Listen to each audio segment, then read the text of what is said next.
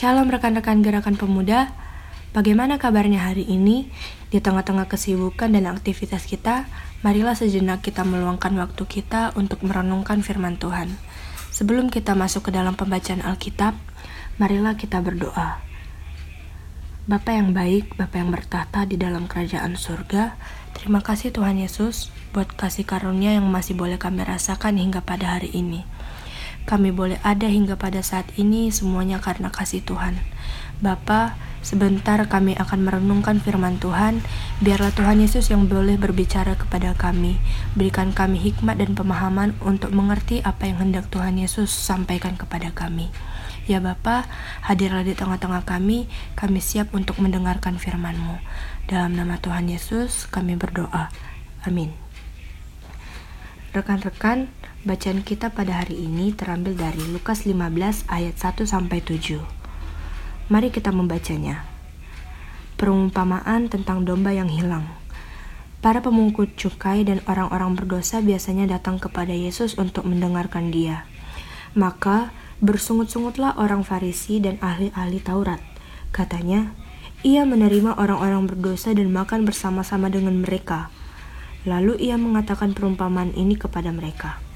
Siapakah di antara kamu yang mempunyai seratus ekor domba dan jikalau ia kehilangan seekor di antaranya, tidak meninggalkan yang 99 ekor di padang gurun dan pergi mencari yang sesat itu sampai ia menemukannya?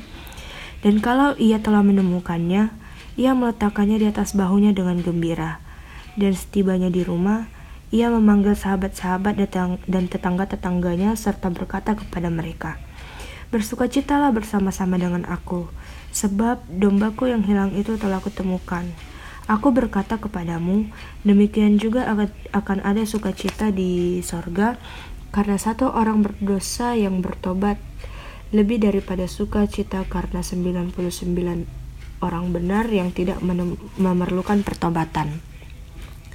Rekan-rekan, penilaian yang sudah terlanjur melekat sebagai produk dari cara pandang yang keliru memang sangat sulit untuk dibetulkan. Seperti halnya cara pandang orang Farisi dan para ahli Taurat terhadap mereka yang dinilai sebagai pendosa.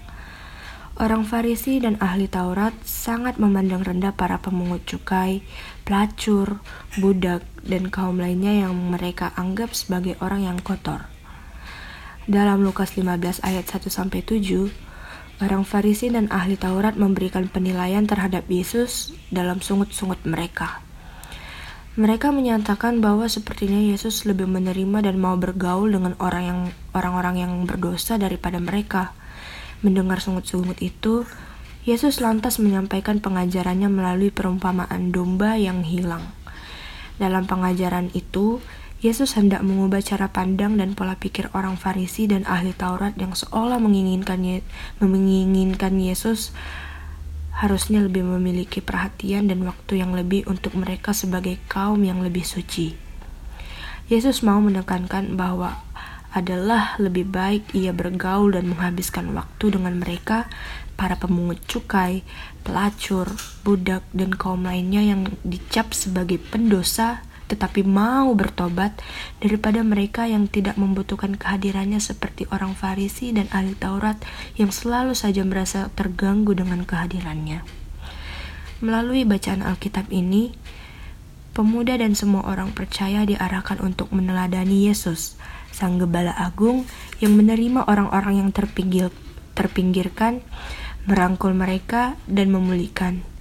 Yesus menginginkan agar pemuda dan orang percaya, memahami bahwa kehadiran kita di dunia ini adalah untuk membangun kebersamaan sebagai persekutuan orang percaya yang selalu menyadari bahwa semua orang berharga di mata Tuhan.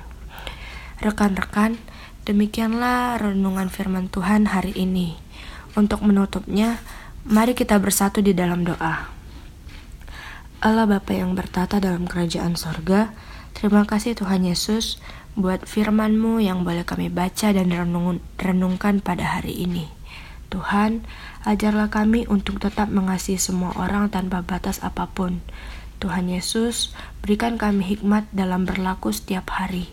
Bapa, kami serahkan hati dan pikiran ke kami kepadamu. Hanya di dalam nama Tuhan Yesus kami berdoa. Amin.